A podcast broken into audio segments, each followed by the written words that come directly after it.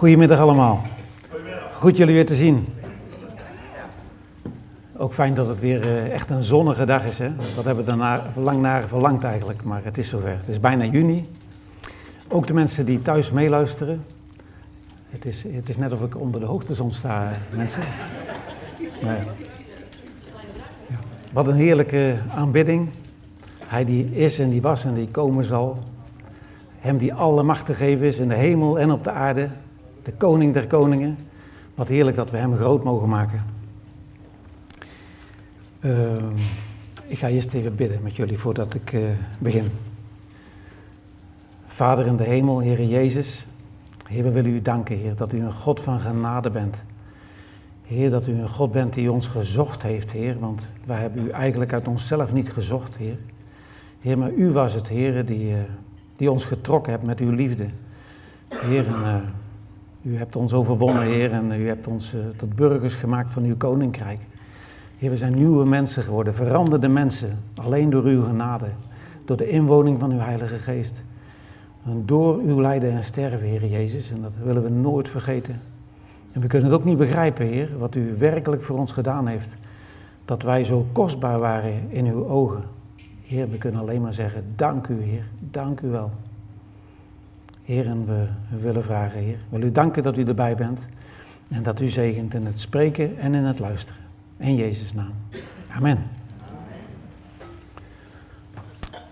Uh, ik heb even een vrijwilliger uh, nodig. Uh, Koos, ik wil jou even gebruiken als vrijwilliger. Maar gewoon blijven zitten hoor. Ja. Maar stel je voor, Koos, jij werkt bij een bedrijf en jij verdient daar een royaal loon. Het is wel misschien 50 jaar geleden. Je krijgt je loon gewoon in een zakje aan het eind van de week. En jij werkt daar heel de week op dat bedrijf. En vijf dagen. En ik kom vrijdagmiddag kom ik binnen en ik werk er even van twee tot vijf. En uh, dan krijgen we eind van de week allebei ons loonzakje. En ik krijg evenveel als jou. Wat zou je daarvan vinden, Koos? Oké. Okay.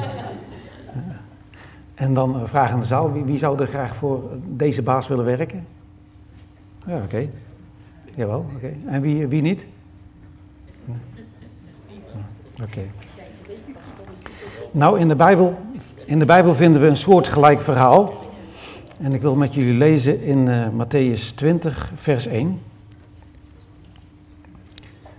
En ik heb het genoemd loon naar genade, of de arbeiders in de wijngaard. Want het koninkrijk der hemelen is als een heer des huizes die s'morgens vroeg erop uitging om arbeiders voor zijn wijngaard in te huren. Nadat hij het met de arbeiders eens geworden was voor een penning per dag, stuurde hij hen zijn wijngaard in. En toen hij omstreeks het derde uur erop uitging, zag hij anderen werkloos op de markt staan. Ook tegen hen zei hij: Gaat u ook naar de wijngaard, en ik zal u geven wat rechtvaardig is. En ze gingen. Toen hij nogmaals erop, uit, erop uitgegaan was, omstreeks het zesde en het negende uur, deed hij hetzelfde. En toen hij omstreeks het elfde uur erop uitging, vond hij weer anderen werkloos staan. En hij zei tegen hen: Waarom staat u hier heel de dag werkloos? Ze zeiden tegen hem, omdat niemand ons ingehuurd heeft. Hij zei tegen hen, gaat u ook naar de wijngaard en u zult ontvangen wat rechtvaardig is. Toen het avond geworden was, zei de heer van de wijngaard tegen zijn rentmeester, roep de arbeiders en geef hun het loon, te beginnen bij de laatste tot de eerste. En toen zij kwamen, die omstreeks het elfde uur ingehuurd waren, ontvingen zij ieder een penning. En toen de eerste kwamen, dachten zij dat zij meer ontvangen zouden. Maar ook zij ontvingen ieder een penning. Toen zij die ontvangen hadden, morden zij tegen de heer des huizes en zeiden: Deze laatste hebben maar één uur gewerkt. En u hebt ze gelijkgesteld met ons, die de last van de dag en de hitte verdragen hebben. Maar hij antwoordde, ze, hij antwoordde en zei tegen een van hen: Vriend, ik doe u geen onrecht. Bent u het niet met mij eens geworden over een penning? Neem wat van u is en vertrek. Ik wil aan hem die het laatst kwam hetzelfde geven als aan u. Of is het mij niet geoorloofd met het mijne te doen wat ik wil? Of bent u afgunstig omdat ik goed ben? Zo zullen de laatste de eerste zijn en de eerste de laatste. Want velen zijn geroepen, maar weinigen uitverkoren. Ik bedenk ineens dat ik de, de mededelingen uh, vergeten ben, dus dat doe ik nog even tussendoor. Uh, vanavond is er uh, ook speciaal voor de zieken. Dus als u wat markeert, kom vanavond en dan gaan we voor u bidden. verder kreeg ik een foto van Ad toegestuurd van Andy van Meer. Die, die lag in het ziekenhuis zo te zien. met zijn met gezicht kapot, dus ik denk dat hij, dat hij gevallen is. Misschien weet iemand hier er meer van. Oké, okay, schaafwonden, blauw oog. Ja, oké. Okay. Is hij uit het ziekenhuis nu? Ja, hij is alleen nog oh. het Oké. Okay. Ja, oké, okay. dank, dank je wel. Heer, wilt u bij Andy zijn en uh, wilt u uw hand op hem leggen en wilt u hem voorspoedig genezen, heer? Dan ga ik verder met de gelijkenis. Uh, Jezus die vertelde heel vaak gelijkenissen. Soms uh, naar de zin van de discipelen misschien te veel. Want ze zeiden wel eens tegen hem van, waarom vertelt u altijd gelijkenissen? Waarom zegt u het niet gewoon rechtuit? Terwijl hij eigenlijk wel eh, later aan de discipelen eh, nadere uitleg, uitleg gaf. Nou, in die gelijkenissen gebruikt Jezus eigenlijk altijd voorbeelden die heel dicht bij de mensen stonden. Voorbeelden uit het dagelijks leven. En zo ook in deze gelijkenis. Heel herkenbaar. Maar dat is zulke alledaagse voorbeelden zijn, dat wil nog niet zeggen dat het de gemakkelijkste stukjes van de Bijbel zijn. Het is misschien juist wel omgekeerd. Want er zit in zo'n gelijkenis altijd een, uh, op een gegeven moment een draai, een, twist, waardoor je uit je evenwicht raakt. En dat je denkt, ja, wat bedoelt Jezus nou hiermee te zeggen?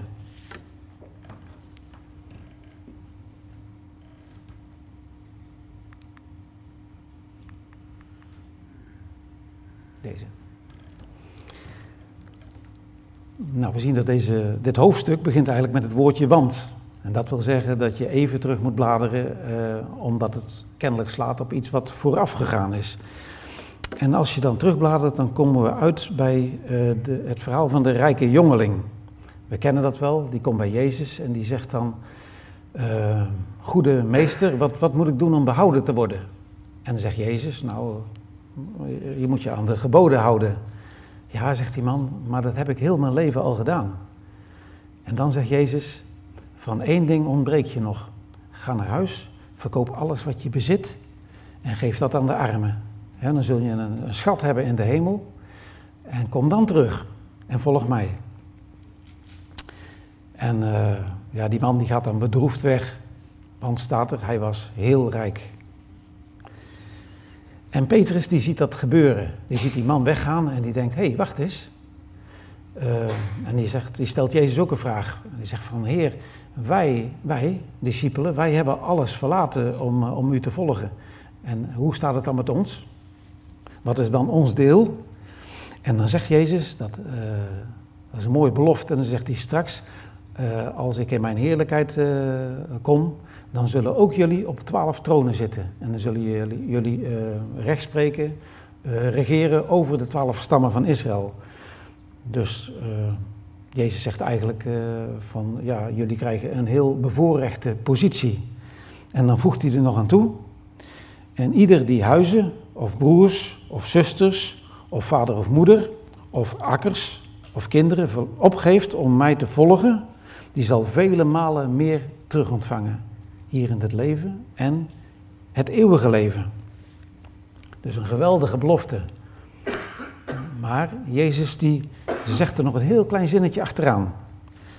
Maar vele eerste zullen de laatste zijn en vele laatste de eerste. Nou, daar komen we straks nog op terug. En als Jezus dat gezegd heeft, dan begint hij aan de gelijkenis. gaat uh, over een heer des huizes die een wijngaard heeft. Uh, iemand een idee wie die heer des huizes uh, voorstelt? God, hè? Ja. En wat zou dan die wijngaard voorstellen? Dat is het koninkrijk van God. Want zo begint de gelijkenis van het koninkrijk van God is als. Dus dan zijn ook de arbeiders, dat zijn dan uh, degenen die het koninkrijk van God willen binnengaan. Nou, dat is een beetje het beeld van deze gelijkenis, dat moet je even vasthouden. Nou, die landheer die gaat al heel vroeg, voor dag en dauw, gaat hij naar de markt. De markt, dat was een plaats waar veel dingen gebeurden. Daar kon je spullen kopen, kon je eten kopen. daar werden openlijk soms debatten gevoerd. Maar ook als je geen vast werk had, dan kon je daar naartoe om jezelf ja, te verhuren eigenlijk. En die landheer die ziet daar s morgens om zes uur al mannen staan. En hij zegt, ga met me mee de wijngaard in. Ze gaan ook mee. Maar voordat ze meegaan, dan spreekt hij een prijs met ze af. Dan zegt hij, dan komen ze overeen dat hij hun één penning voor die dag zal betalen. En een penning, dat is ergens anders, in een andere vertaling wordt het een denari genoemd. Of, of een schelling, of een zilverstukje. Dus uh, er wordt een zilverstukje bedoeld.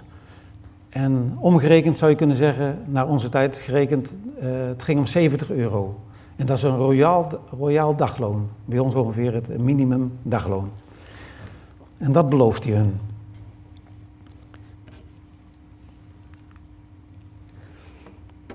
En ik moet ook nog even zeggen dat, uh, dat die tijdsaanduiding die hier gebruikt wordt, omstreeks het derde uur ging die er nog een keer op uit. Die moet altijd uh, voor onze tijd zes uur er weer optellen dus om negen uur ging hij de weer op uit. Negen uur in de ochtend. En dan gaat die landheer weer naar de markt om te zien of er nog mannen staan. En ja, er staan nog mannen. En dan zegt hij tegen die groep: Kom werken in mijn wijngaard. Wat rechtvaardig is, dat zal ik je geven. Met andere woorden, wat redelijk is, wat billig is, dat zal ik je geven. Dus met deze groep wordt geen vast loon afgesproken. Dus ze moeten eigenlijk vertrouwen op de goedheid van deze heer van de wijngaard. Nou, dan gaat hij drie uur later, dus om twaalf uur s middags, gaat hij nog een keer.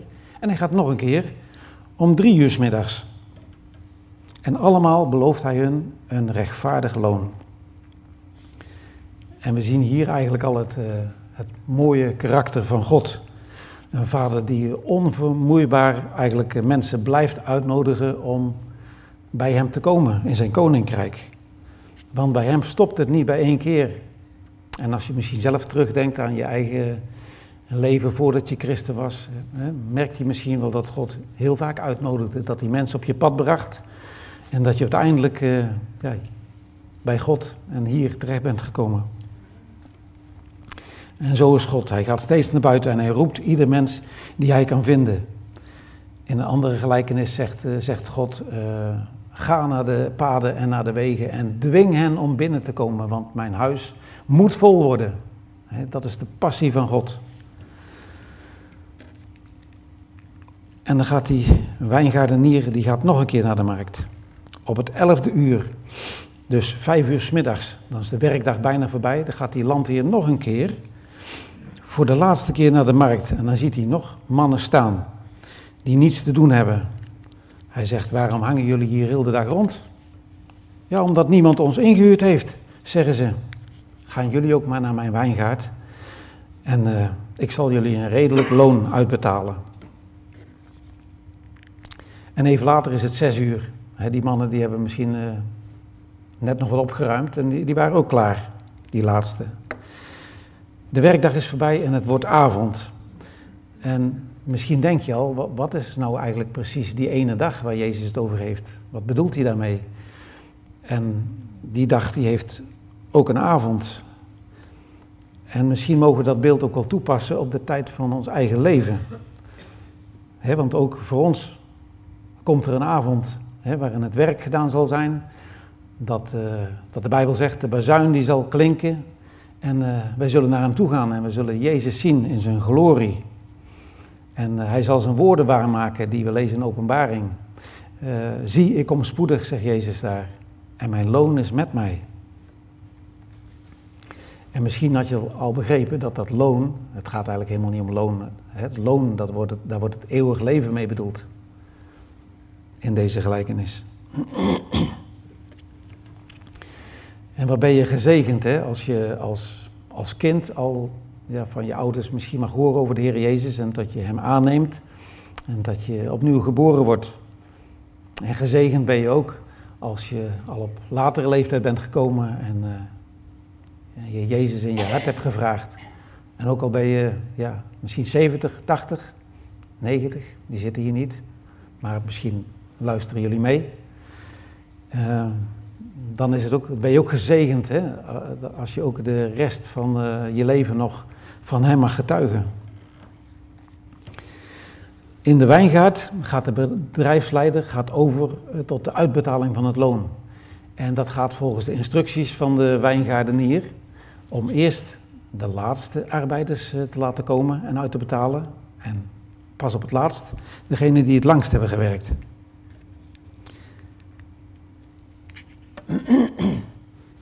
En die mannen, die mannen die maar een uur gewerkt hadden, die ontvingen tot hun grote verrassing 70 euro. Ik probeer, me dat dan voor te stellen, dat die mannen die nog helemaal fris zijn natuurlijk, helemaal niet vermoeid. En kijk eens wat er in hun hand ligt te blinken. Een zilverstuk ter waarde van 70 euro. Ik kan me voorstellen dat ze heel erg blij zijn geweest. en die werkers die de hele dag gewerkt hebben, uh, die, ik stel me voor, die zijn helemaal uitgeteld en versleten. Uh, tegen een muurtje hangen ze. En ze zien dat allemaal gebeuren.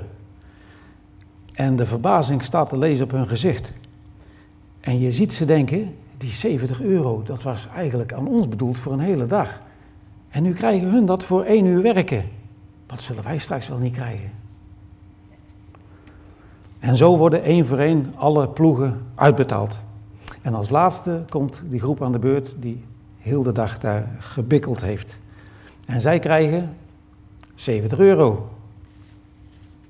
En dat valt even verkeerd. Ze protesteren onmiddellijk. Ze zeggen, die kerels die hebben maar één dag gewerkt. En, wij, wij hebben heel de dag hier geploeterd in, onder de brandende zon. En u geeft ons, u geeft hen net zoveel als ons. En eh, ik zal me eerlijk zijn, ik denk dat ik precies zo zou hebben gereageerd. Ik, ik hoef me niet vromer te doen dan dat ik ben. Maar ik kan me het zo voorstellen, als je, als je daar de hele dag gezwoegd hebt en, uh, en die anderen die komen daar zo makkelijk mee weg. Ik denk ook als deze landheer het de volgende dag opnieuw zou doen, dan denk ik dat er om zes uur niemand zou staan. En om negen uur niet en om twaalf uur niet. Maar het zou om vijf uur heel druk zijn, denk ik.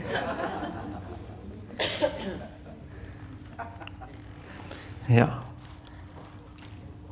En wat hier gebeurt, dat, dat botst met ons rechtvaardigheidsgevoel. Want wij hebben eigenlijk allemaal geleerd uh, dat hard en lang werken, dat moet beloond worden. En het is ook een beetje ja, gebaseerd op het principe in, in onze maatschappij, voor wat hoort wat. Nou, maar om deze gelijkenis helemaal uh, te kunnen vatten, moet je die gedachte even loslaten eigenlijk. Want Jezus wil ons wat leren. Want, goed beschouwd, was er in feite niemand benadeeld. Niemand was tekort gedaan. Want als dit geval zich nou niet zou hebben voorgedaan, dat die mensen, die korte werkers, dat geld hadden gekregen, dan waren ze toch heel tevreden naar huis gegaan met, met 70 euro. Maar nou zijn ze niet blij. Je kunt ook zo zien dat, uh, dat die mannen die zo hard gewerkt hadden, die hadden het eerlijk verdiend. Maar bij die arbeiders die maar net een uur gewerkt hadden, daar lag dat heel anders. Die kregen eigenlijk loon op grond van genade. En dat is ook de boodschap in deze gelijkenis, dat die beloning, ook de beloning die wij straks uh, krijgen als we volhouden en Jezus niet verlogenen, dan uh, staat onze beloning te wachten. En die beloning is ook pure genade, net als je redding. Nou, die mannen die worden vervuld van jaloezie en afgunst. En ze hebben geen medegevoel of bewogenheid voor die medearbeiders, die misschien dat geld al heel erg nodig hadden. En dan is dit het antwoord van de landheer. Vriend, ik heb jullie toch niks tekort gedaan? Hadden we niet afgesproken dat je vandaag voor 70 euro bij mij zou komen werken? Neem je geld en ga naar huis, want ik wil die mannen die het laatst zijn gekomen evenveel betalen als jullie. Mag ik soms met mijn geld niet doen wat ik wil? Of zijn jullie soms jaloers omdat ik goed ben? Kijk, dat is die, die twist, die, die draai in zo'n gelijkenis dat je, dat je het even niet meer weet. Dat je denkt, waar gaat Jezus nou naartoe? Wat bedoelt hij nou? Dus ze zijn niet altijd makkelijk, gelijkenissen. En dan eindigt Jezus de gelijkenis met dezelfde woorden die ik al gesproken heb, die er al stonden. Uh, zo zullen de laatste de eerste zijn en de eerste de laatste. Want velen zijn geroepen, maar weinigen uitverkoren. Eigenlijk staat die gelijkenis ingebed tussen deze ja, twee herhaalde teksten eigenlijk. Dus dat, dat is een belangrijke les wat er uit deze gelijkenis is te halen.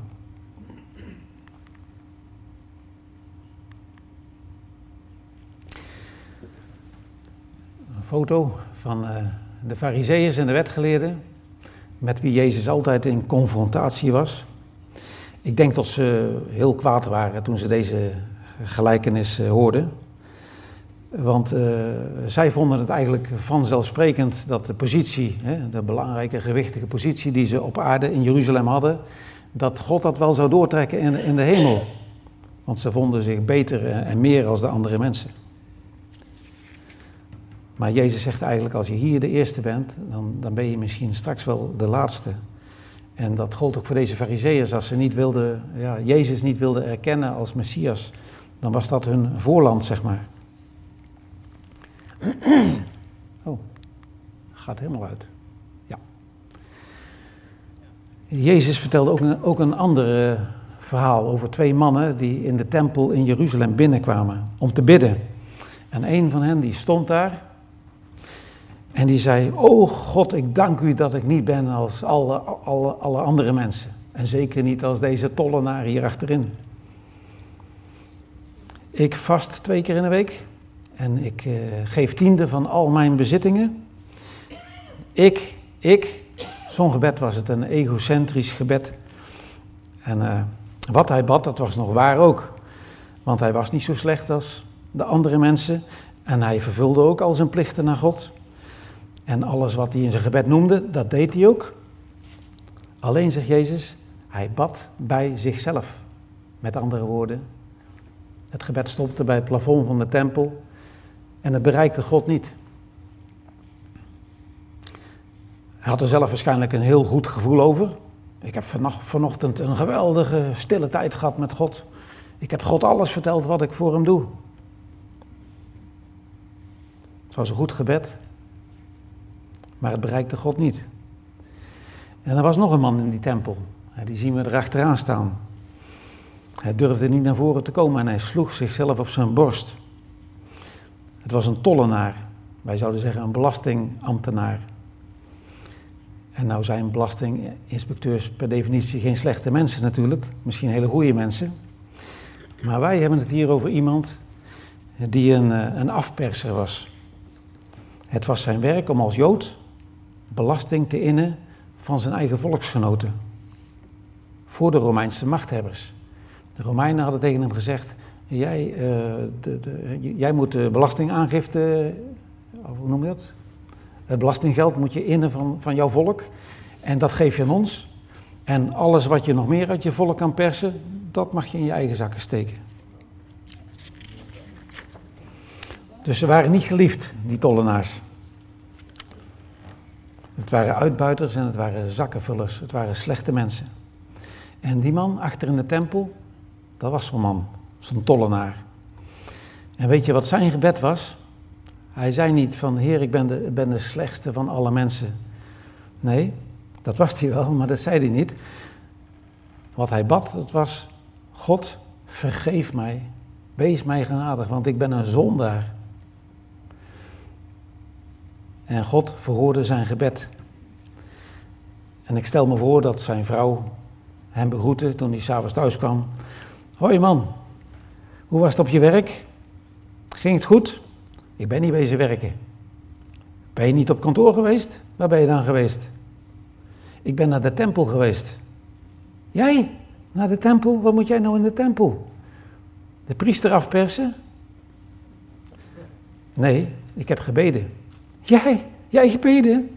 Je hebt sinds ons trouwen niet meer gebeden. Denk je dat God naar jou luistert?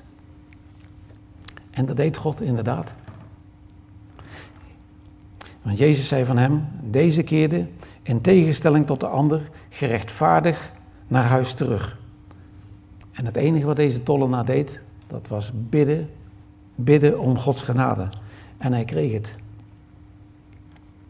En ik denk dat de fariseërs en de tollenaars, dat die opnieuw ziedend zijn geweest. Hij, uh, Jezus die, uh, ja, die ging de confrontatie met, uh, met de wetgeleerden en de schriftgeleerden niet uit de weg. Hij zei hun ja, voluit de waarheid. Hij noemde ze zelfs een keer wit gepleisterde graven. Maar van binnen zijn jullie vol doodsbeenderen, zei hij. Dus ze konden Jezus wel wat doen. En daarom staat er ook in de Bijbel dat ze herhaaldelijk probeerden om Jezus te doden.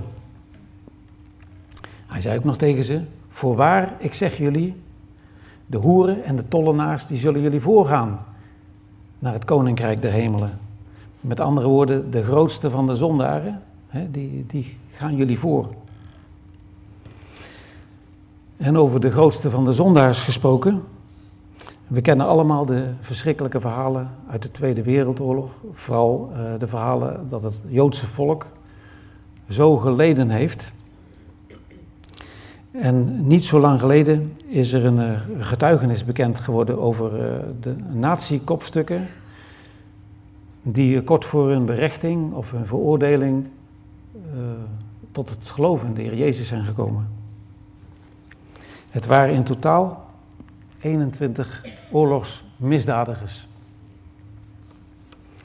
Hier is een foto van het proces wat in Neurenberg heeft plaatsgevonden in 45, 46.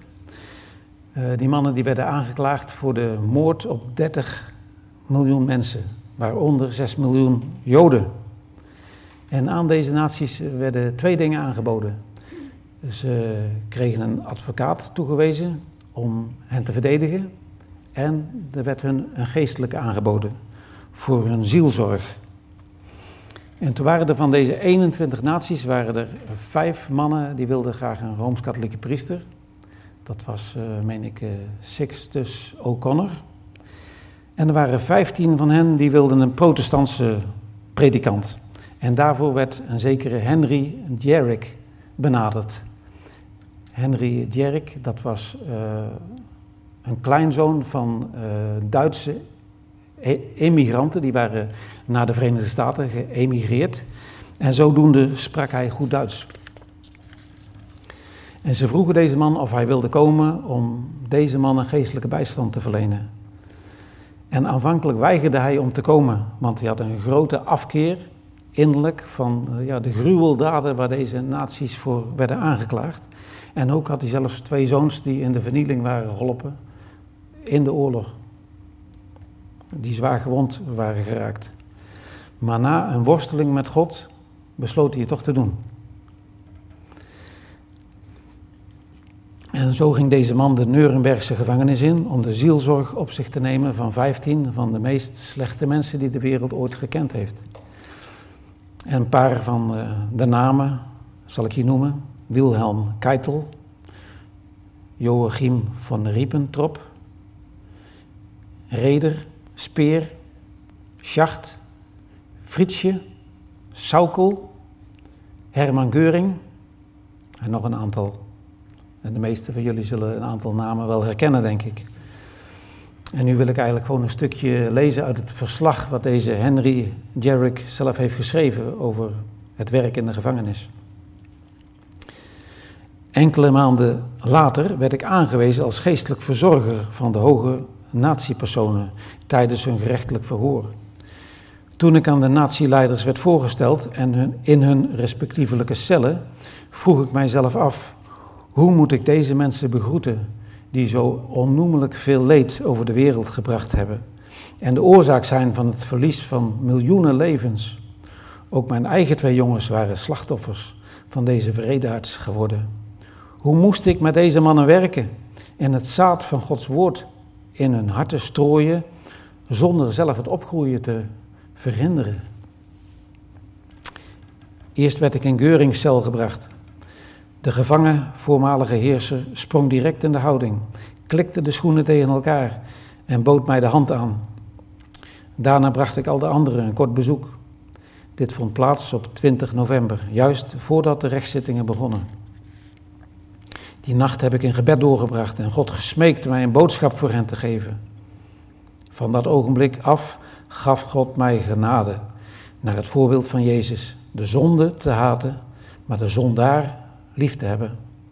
Deze mensen moesten iets horen over de redder, die ook voor hen aan het kruis leed en stierf. Fritz Saukel, voormalig hoofd van de arbeidseinsatz, was de eerste die zijn hart opende voor het evangelie. Hij was vader van tien kinderen en had een gelovige vrouw. Na enkele bezoeken knielden we bij zijn bed en bad hij het gebed van de tollenaar. O God, wees mij arme zondaar genadig. Ik weet dat hij het meende. Hans Frietsje was het hoofd eh, propaganda. Bekende dat hij zich diep schaamde omdat hij zich tegen de kerk had gekeerd en hoopte weer helemaal tot Christus terug te keren. Samen met von Schirach, dat was de leider van de Hitlerjugend, en Albert Speer, minister van Bewapening, spendeerde, spendeerde hij veel tijd aan Bijbelstudie. Ook vroegen ze toegang tot het avondmaal. Ontroering greep me aan toen ik die drie mannen geknield voor mij zag liggen om brood en wijn te ontvangen. God had door zijn woord en geest op machtige wijze aan hun harten gewerkt. En als berouwvolle zondaren mochten ze de vergeving om Christus wil aannemen. Albert Speer erkende eerlijk de schuld van het nazi-regime en vertelde me dat hij vond dat de verwaarlozing van het echte christendom zijn ondergang had veroorzaakt. En dit is een foto, foto van Wilhelm Keitel, veldmaarschalk, een hoofd van de Duitse generale staf van het leger. Keitel ondertekende de bevelen voor de aanval op Nederland en België. En ook Hitlers bevel om de Sovjet-Unie binnen te vallen. En hij gaf in 1941 bevel dat, elke, dat voor elke gedode Duitser, dat er 50 tot 100 communisten vermoord moesten worden. Omdat in het oosten het leven van die mensen toch niks waard was. Over hem schrijft Henry Jarrick. Keitel was de volgende die het heilige avondmaal vierde en ongegeneerd bij zijn bed neerknielde terwijl hij zijn zonde opbiechte. Als gunst van de grote vier, daar worden de geallieerden mee bedoeld, mochten de veroordeelden nog één keer met hun vrouwen spreken. Ik hoorde hoe Van Ribbentrop zijn vrouw liet beloven de kinderen in de vrezen van de Heer op te voeden. Saukels echtgenoten moest eveneens de gelofte afleggen, hun kinderen dicht bij het kruis van Jezus groot te brengen. En Herman Geuring vroeg aan zijn vrouw wat zijn dochtertje Edda over, zijn vaders, over haar vaders veroordeling had te zeggen. En hij moest horen dat het kind hoopte papa in de hemel weer te zien. Zelfs hij was op dat moment ontroerd en voor de eerste keer zag ik tranen bij hem. Dag en nacht bleven we nu bij hen. Intussen zijn ze dan in de dodencel geplaatst, heel kort voor hun executie. Dag en nacht bleven we nu bij hen, waarvan God ons de zielen had toevertrouwd. Bij sommigen herhaalden we ons bezoek vier of vijf keer per dag. Er waren twee naties die niet wilden luisteren naar het evangelie. Rudolf Hess en Hermann Geuring. Hess verhing zichzelf in de gevangenis in Berlijn. En de avond voor de terechtstelling had ik een lang onderhoud met Geuring. Ik wees hem op de noodzakelijkheid zich gereed te maken om God te ontmoeten. In de loop van ons gesprek maakte hij echter verschillende bijbelwaarheden bespottelijk en weigerde hij te aanvaarden dat Christus stierf voor zondaren. Er was een bewuste logening van de kracht van het bloed. Dood is dood waren ongeveer zijn laatste woorden. En toen ik tenslotte hem wees op zijn kleine meisje, dat hem in de hemel hoopte weer te zien, antwoordde hij, zij gelooft op haar manier, ik op de mijne. Een uur later hoorde ik vele opgewonden stemmen en toen vernam ik dat Geuring zich het leven had benomen. Een kleine, lege ampul lag op zijn borst en zo ging hij de eeuwigheid in. En het staat allemaal opgeschreven in dit boek. Het wordt niet meer gedrukt. Geschreven door uh, meneer Grossmit. Het kruis en het hakenkruis uh, staat er eigenlijk. En de Amerikaanse regering die heeft uh, vijf jaar lang dit nieuws gecensureerd omdat ze bang waren ja, voor de reacties.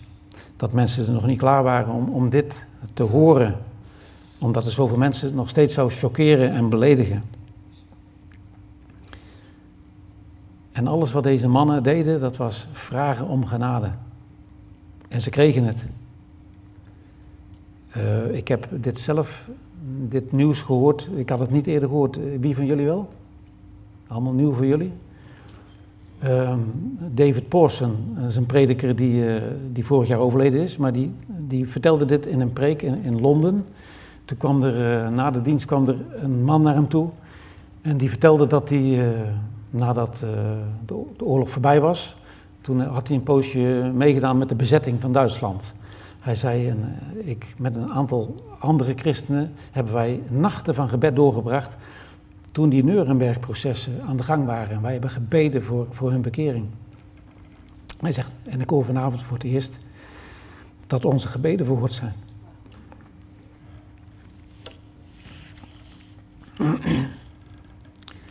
Dus het is ook een, een preek eigenlijk over de, over de kracht van het gebed. En ja, ik weet helemaal niet hoe je luistert, want het is nogal wat natuurlijk als je op je netvlies hebt, of net hebt gezien, of gelezen wat, wat deze mannen werkelijk uh, uit hebben gehaald, hoe ze ellende in vele mensenlevens hebben gebracht, dan is dat ook niet te begrijpen. Maar uh, dit is wel een verhaal over de grenzeloze genade van God. Hè?